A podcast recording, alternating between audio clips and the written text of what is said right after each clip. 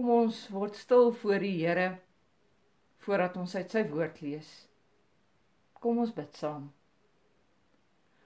Almagtige Vader, U wat vir ons sorg. Ons pleit by U.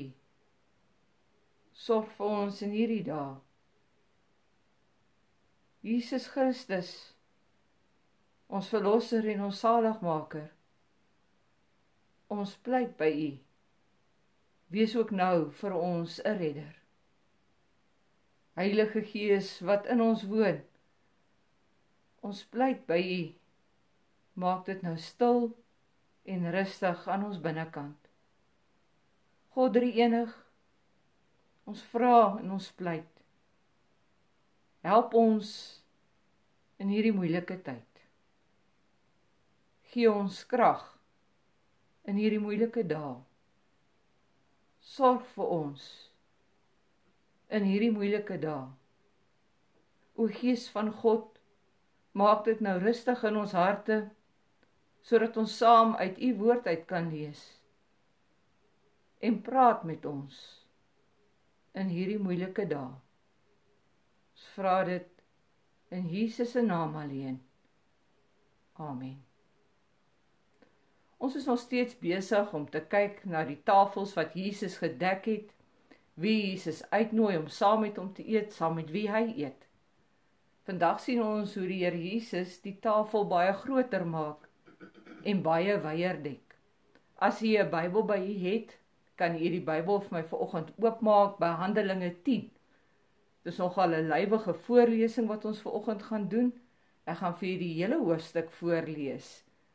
Lees gerus saam met my uit Handelinge 10 uit vir oggend. En ek begin die verhaal met Petrus en Kornelius. Petrus en Kornelius. In Caesarea was daar 'n man met die naam Kornelius, 'n kaptein in die sogenaamde Italiaanse regiment. Hy was godsdienstig en godsvreesend. Hy en sy hele huisgesin. Hy het baie gedoen om die armes onder die Joodse volk te help en het gereeld tot God gebid. Een middag teen 3 uur het hy in 'n gesig duidelike engel van God na hom toe sien kom wat na hom roep: Kornelius. Kornelius het hom verskrik aangekyk en gevra: "Wat is dit, meneer?"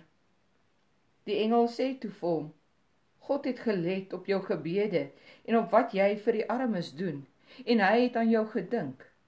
Stuur nou dadelik mense na Joppe toe en laat daar 'n sekere Simon haal wat ook Petrus genoem word. Hy is tuis by 'n ander Simon, 'n leerloier wat by die see woon. Nadat die engel wat met hom gepraat het, weggegaan het, het Kornelius twee van sy huisbediendes en een van sy leiwagte, 'n godsdienstige soldaat geroep. Hy het hulle alles vertel en hulle na Joppe toe gestuur. Die volgende dag teen 12:00 die middag, toe hulle op hulle reis naby die dorp was, het Petrus opgegaan na die dakstoep van die huis om te bid. Hy het later honger geword en hy wou iets hê om te eet. Terwyl die mense die ete klaar gemaak het, het hy in 'n geestesvervoering geraak. Hy het die hemel oop sien gaan en iets soos 'n groot doek wat aan sy vier punte neergelaat word, sien afkom grond toe. Daarin was van al die viervoetige en kruipende diere van die aarde en al die wilde voëls. Hy hoor toe 'n stem wat vir hom sê: "Petrus, slag en eet." Maar Petrus sê: "Nooit nie, Here. Ek het nog nooit iets geëet wat onheilig of onrein is nie." Hy hoor die stem toe weer. Die tweede keer vir hom sê: "Wat God rein verklaar het, mag jy nie onrein ag nie." Dit het 3 keer gebeur. En daarna is die doek weer die hemel opgetrek. Maar Petrus, terwyl Petrus nog wonder oor die betekenis van die gesig wat hy gesien het, kom die mans wat deur Kornelius gestuur is, by die voordeur aan. Hulle was op soek na die huis van Simon en doen toe navraag of Simon wat ook Petrus genoem word, daar tuis is.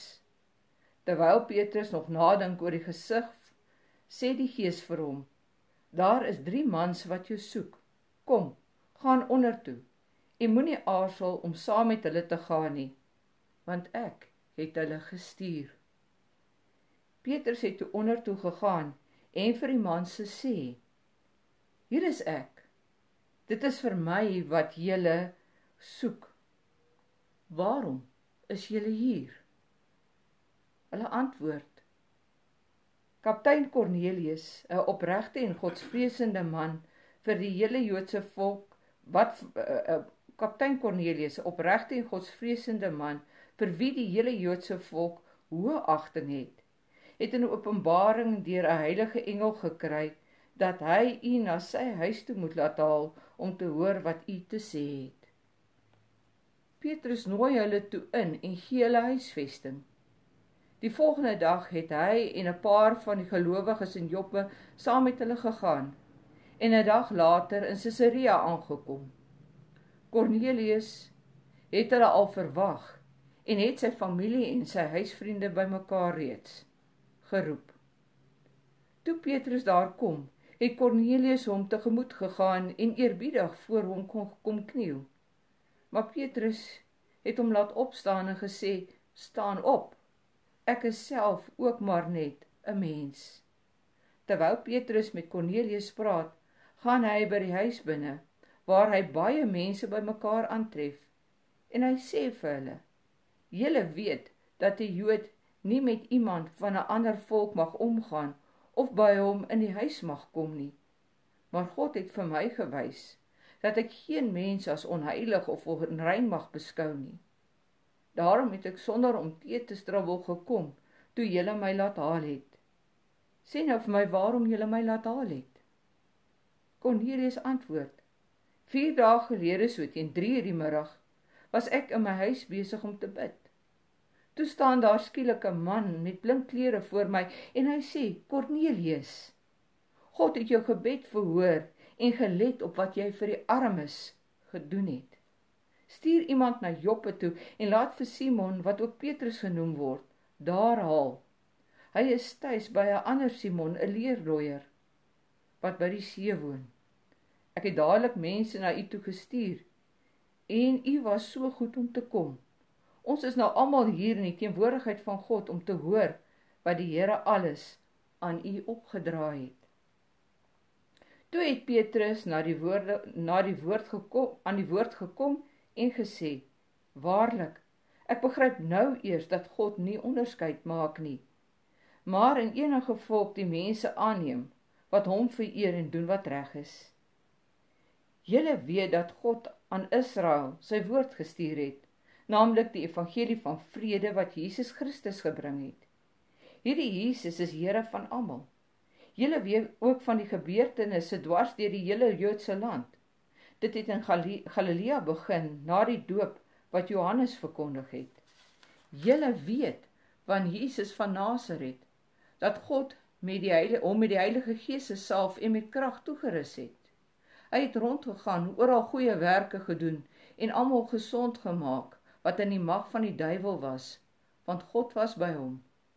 Ons is getuienis van alles wat hy in die Joodse land en in Jerusalem gedoen het. Hulle het hom doodgemaak deur hom aan 'n kruis te hang. Maar God het hom op die 3de dag uit die dood opgewek en hom laat verskyn, nie aan die hele volk nie, maar net aan ons vir wie God reeds gekies het om getuies daarvan te wees. Ons wat na sy opstanding uit die dood saam met hom geëet en gedrink het. Hy het ons opdrag gegee om aan die volk te verkondig en te bevestig dat dit wat hy deur God dat dit hy is wat deur God aangestel is as regter oor die lewendes en die dooies. Van hom getuig al die profete dat elkeen wat in hom glo vergifnis van sondes deur sy naam ontvang. Terwyl Petrus nog praat, het die Heilige Gees op almal gekom wat die woord na die woord geluister het. Toe die Joodse gelowiges wat saam met Petrus gekom het, hoor hoe die mense ongewone tale of klanke gebruik en God prys, was hulle baie verbaas dat die Heilige Gees as gawe uitgestort is ook op mense wat nie Jode is nie. En Petrus sê: Hierdie mense het net soos ons die Heilige Gees ontvang. Wat kan dan verhinder dat hulle nou met water gedoop word? Toe het hy beveel dat hulle in die naam van Jesus Christus gedoop moet word. Daarna het hulle hom gevra om 'n paar dae by hulle te bly. Tot sover. 'n Priester vertel die verhaal van 'n Amerikaanse Jood en 'n Amerikaanse Chinese wat in 'n kroeg gesit en drink het. Die een het aan die een kant van die kroegbank gesit en drink en die ander een aan die ander bank, kant van die kroegtoonbank. En terwyl hulle so gesit en drink het, het hulle mekaar begin aangluur. Later aand kon die Amerikaanse Jood dit nie meer hou nie en hy het opgestaan met sy bier in die hand en hy het tot by die Amerikaanse Chinese geloop en hy het die bier gevat en hy het dit oor die kop van die Amerikaanse Chinese uitgegooi met hierdie woorde: Dit is vir Paul Habe. My oom is dood in die slag van Paul Habe. Die Chinese het op die Amerikaanse Jood geskree en gesê: "Ek is 'n Chinese." Paul Habe is nie ons Chinese se skuld nie. Dit was die Japaneese wat Paul Habe aangeval het. Die Amerikaanse Jood het die Amerikaanse Chinese aangekyk en gesê: "Vietnamees, Chinese, Japanees. Julle lyk almal vir my dieselfde." Daarna het die Amerikaanse Chinese sy drank gevat en hy het dit in die gesig van die Amerikaanse Jood ingegooi met hierdie woorde: Dit is vir die Titanic. 'n Familielid van my is op die Titanic dood. Die Amerikaanse Jood het hom aangekyk en vir hom gesê: Ek is nie die oorsaak dat die Titanic gesink het nie, dit was 'n ysberg geweest waarom die Titanic gesink het. Waarop die Amerikaanse Chinese vir hom geantwoord het: Kalkberg, Steinberg, ysberg. Alles is maar dieselfde. As 'n mens die eerste keer die verhaal hoor, dan sit jy met 'n glimlag op jou gesig deur te dink wat hierdie twee mans doen en vir mekaar sê. Maar dit is egter nodig dat ons oor die dieper betekenis van hierdie verhaal vir 'n oomblik sal dink. Ten diepste gaan dit in hierdie verhaal oor mense se vooroordeele. Ons almal het ook vooroordeele. Party van ons hou nie van Chinese nie. Ander van ons hou nie van Afrikaners nie ander van ons hou nie van Engelse nie. Dan is daar van ons wat dalk nie van Sotos of Khoisas of Zulus hou nie. Elkeen van ons het iewers 'n vooroordeel. En op 'n vreemde manier gebruik ons hierdie vooroordeele om onsself te definieer. Gebruik ons hierdie vooroordeele om onsself beter te laat voel oor onsself. In hierdie dae wat voorlê, gaan ons vooroordeele 'n baie belangrike rol begin speel. Wanneer ek lank genoeg alleen in my huis is, wanneer ek klaar die huis skoon gemaak het, wanneer ek klaar ingehaal het op die werk wat ek moet doen, dan bly net ek en my gedagtes oor. Dit is dan die tyd wanneer ek begin dink. Wanneer my vooroordeele na vore kom. Want as ek so begin dink, dan gaan ek begin kwaad raak omdat ek in my huis moet sit. As ek hoor dat ek dalk siek is of ek hoor dat van my familie siek is of van my vriende siek is, dan gaan ek nog verder kwaad raak. En ek gaan iemand soek om te blameer. En dis dan in hierdie dae wanneer ek vir myself gaan sê hierdie siekte is 'n siekte wat by die Chinese begin het. Of hierdie siekte is 'n wit mens siekte. Of hierdie siekte sou nie so erg gewees het as die mense maar net in die township in hulle huise gebly het nie. Elkeen van ons gaan met ons vooroordeele gekonfronteer word. En dit bring my dan ook by vanoggend se teks. Petrus word in hierdie gedeelte met sy vooroordeele gekon gekonfronteer. Ons moet verstaan wie Petrus was. Petrus was 'n Jood van geboorte. Die Jode het geglo dat hulle God se uitverkore volk is. Die Jode het geglo dat omdat hulle God se uitverkore volk is, dat hulle rein moet bly, dat hulle afgesonder moet bly. Joodse mans het gewoonlik gebid: "Here, baie dankie dat ek nie 'n hond of 'n heiden of 'n vrou is nie." Petrus het heel waarskynlik self hierdie gebed by tye in sy lewe gebid. Die Jode was nie toegelaat om in heidene se huise in te gaan nie of om saam met hulle te eet nie. En hier in hierdie gedeelte word Petrus se vooroordeele uitgedaag. Hy is honger. En terwyl hy honger is, gaan hy in 'n geestesvervoering in en laat God 'n doek uit die hemel uitsak met diere in wat Petrus nooit sou gedink het om te eet nie omdat dit onrein is volgens die reinigingswette van Levitikus. En tog hoor hy duidelik hoe God vir hom sê: "Eet. Eet enige iets wat in hierdie doek is." En hoor hy later hoe God sê wat God rein verklaar het, kan niemand onrein ag nie. En terwyl Petrus nog so oor die saak sit en dink en wonder wat dit kan beteken, daag Cornelius, die Italiaanse offisier, se werkers by Petrus se huis op en kom sê hulle, maar Cornelius wil hê hy moet na hom toe kom. Mens kan amper aanvoel dat Petrus eintlik graag sou wou gesê het: "My Here, dit is 'n heiden. Ek wil nie na 'n heiden se huis toe gaan nie." Tog konfronteer Petrus sy eie vooroordeele, kom hy tot bekering, nooi hy hierdie heidene in sy huis in, versorg hy hulle, gaan hy die volgende dag saam met hulle Caesarea toe, gaan hy in die huis van die heiden in. En toe hy daar in die huis van die heiden inkom, toe sê hy ook eerlik oor sy vooroordeele, maar ook eerlik oor wat God hom geleer het. En daar in die huis verkondig hy dan die evangelie. Vertel hy hulle van Jesus. Dat Jesus gedoop is. Dat Jesus geleef het as 'n mens. Dat Jesus aan 'n houtkruis gesterf het. Dat Jesus opgevaar het. Dat Jesus weer gaan kom.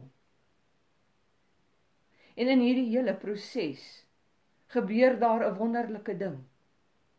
Terwyl die mense so luister hoe Petrus hulle van Jesus vertel, kom die Heilige Gees ook op hierdie heidene. Begin hulle in tale praat. Begin hulle God loof en prys. En in daardie oomblik besef Petrus dat die wonderlike reddende genade van Jesus die verlossing van Jesus nie net vir die Jode bedoel is nie maar ook vir die heidene. En daar laat hy hulle dan ook doop. Nou moet ons weet, dit wat Petrus hier gedoen het, het vir hom groot moeilikheid veroorsaak. Want net in die volgende hoofstuk in hoofstuk 11 lees ons dat die Jode in Jerusalem ongelukkig en kwaad is met Petrus omdat Petrus hulle gedoop het, die heidene. En lees ons dan ook hoe Petrus hulle die verhaal vertel.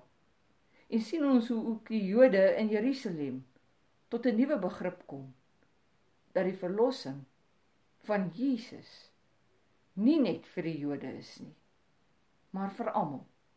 Hulle kom ook tot bekering oor hulle eie vooroordeele.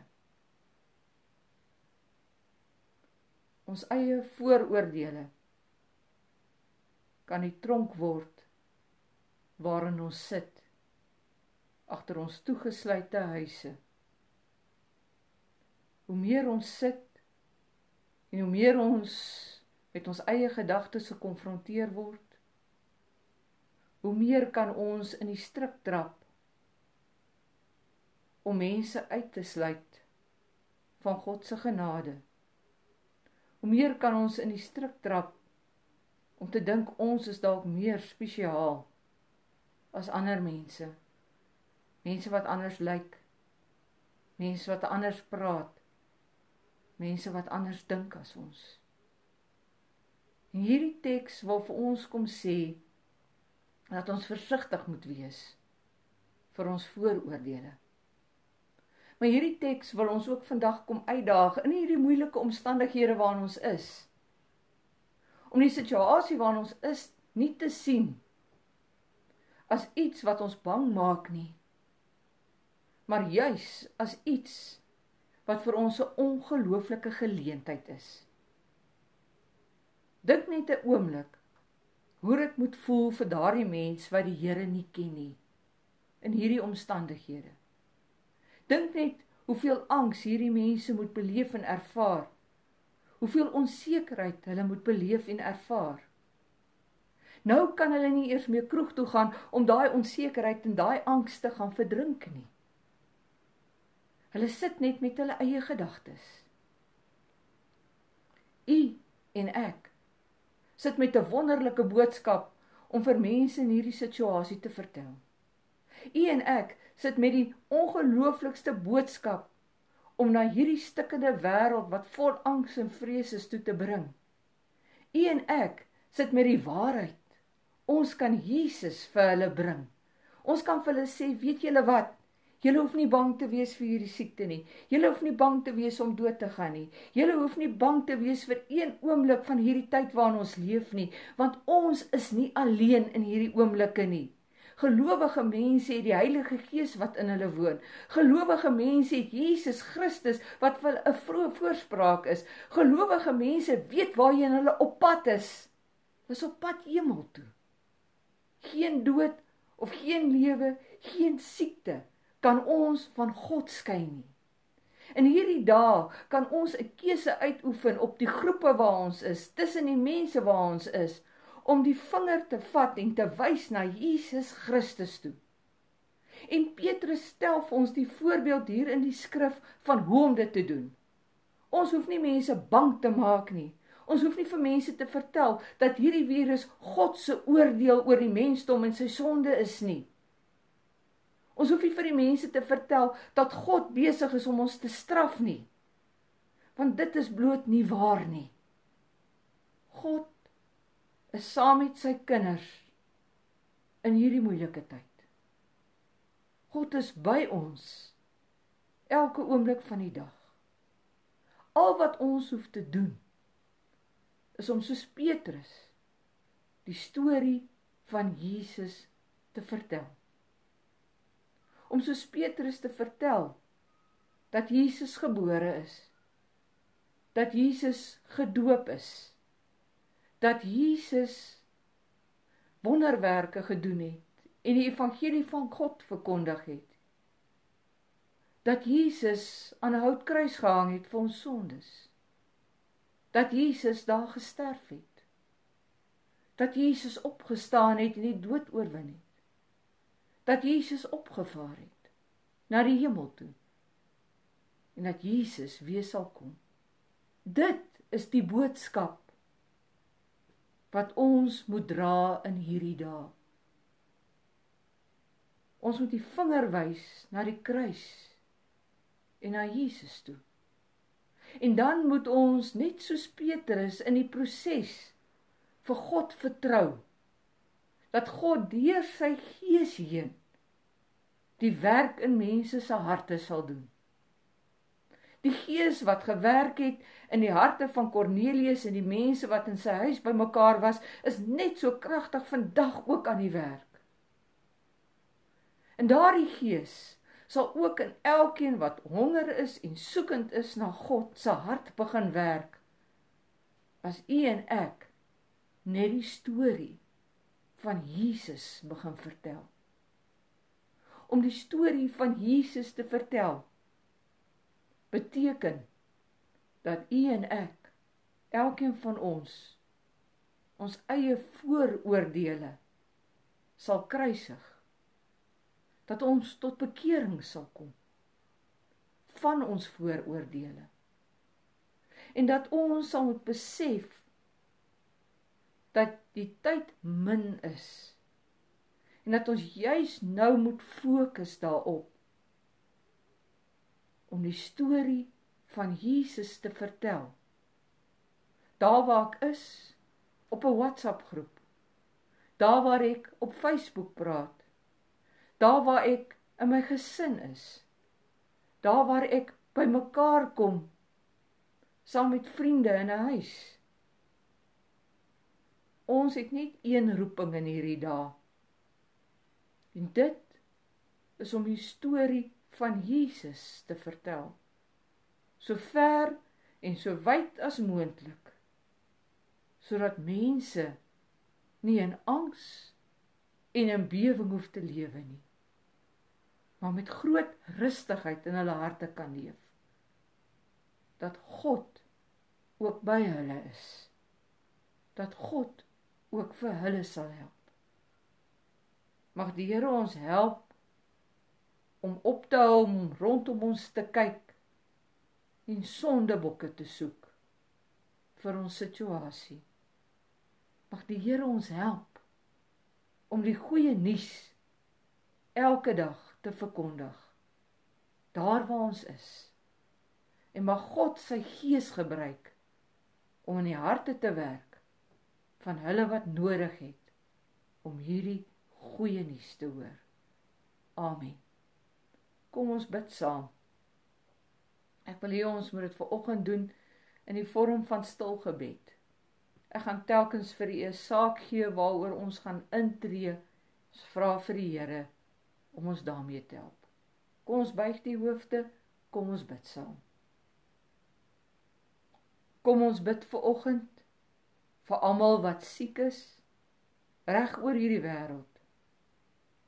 En ons vra dat die Here genesing sal skenk.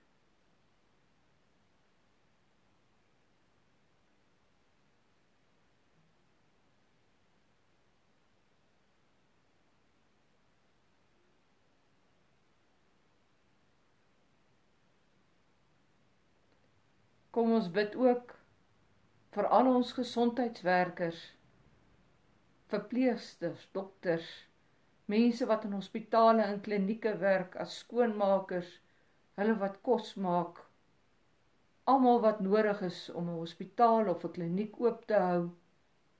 Kom ons bid en ons vra dat die Here hulle sal beskerm teen hierdie siekte, teen hierdie virus, dat hulle gesond sal bly, dat hulle nie moeg sal word nie dat hulle bo menslike energie sal ontvang om almal wat siek is te versorg.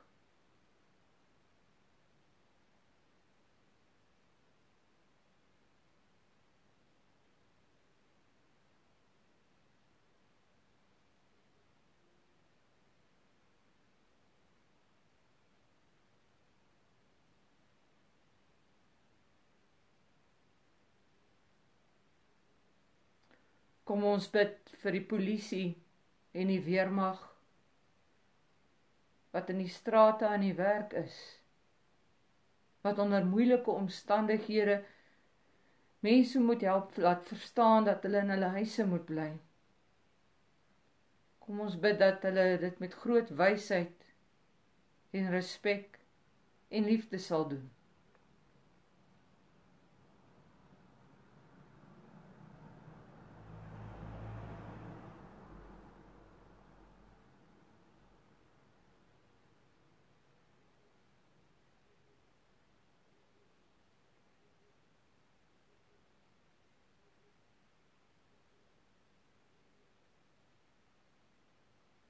Kom ons bid vir mense wat werk in landdroskantore. Mense wat as maatskaplike werkers werk in Seyvelses. En al die ondersteuningspersoneel daar. Kom ons bid vir hulle wat in ouer huise werk en ons bejaardes versorg. Kom ons bid vir hulle wat werk te moet gaan vandag in noodsaaklike dienste wat in winkels en kafees werk, munisipale werkers wat nooddienste moet lewer. Ons bid dat hulle gesond sal bly dat die Here hulle ook sal beskerm en dat hulle sonder angs en vrees ook hulle werk sal doen.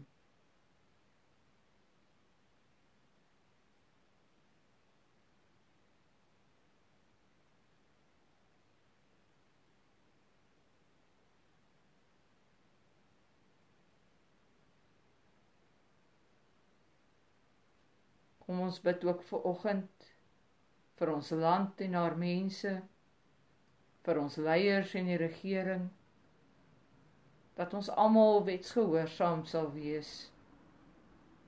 Dat ons almal ons kant sal bring. Ook in hierdie oorlog wat ons is teen 'n virus wat ons nie kan sien nie.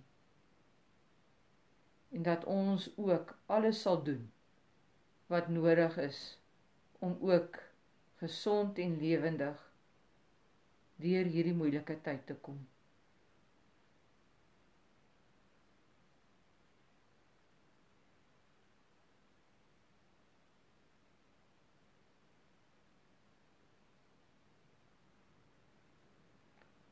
Amen.